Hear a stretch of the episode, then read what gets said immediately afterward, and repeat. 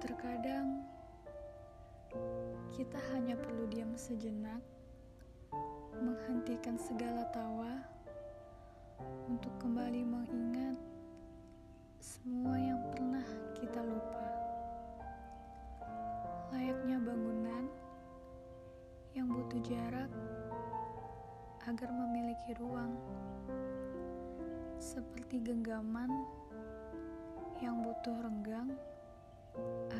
agar terasa nyaman. Begitu juga dengan penglihatan yang butuh jarak agar jelas memandang. Kita pun kadang harus rela berjarak agar dapat bergerak. Ciptakan jarak agar kita bisa mengingat kembali. Mungkin ada janji yang belum ditepati. Cobalah memberi jarak. Barangkali ada mimpi-mimpi yang sempat terhenti. Berilah sedikit jarak untuk menyendiri dan menyadari. Mungkin ada hati yang tersakiti.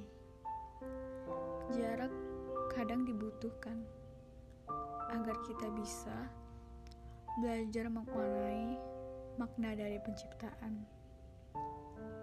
Karena setiap perjalanan butuh pemberhentian. Setiap tualang akan butuh tempat pulang. Sehingga segala yang datang akan menjadi makna untuk kehidupan.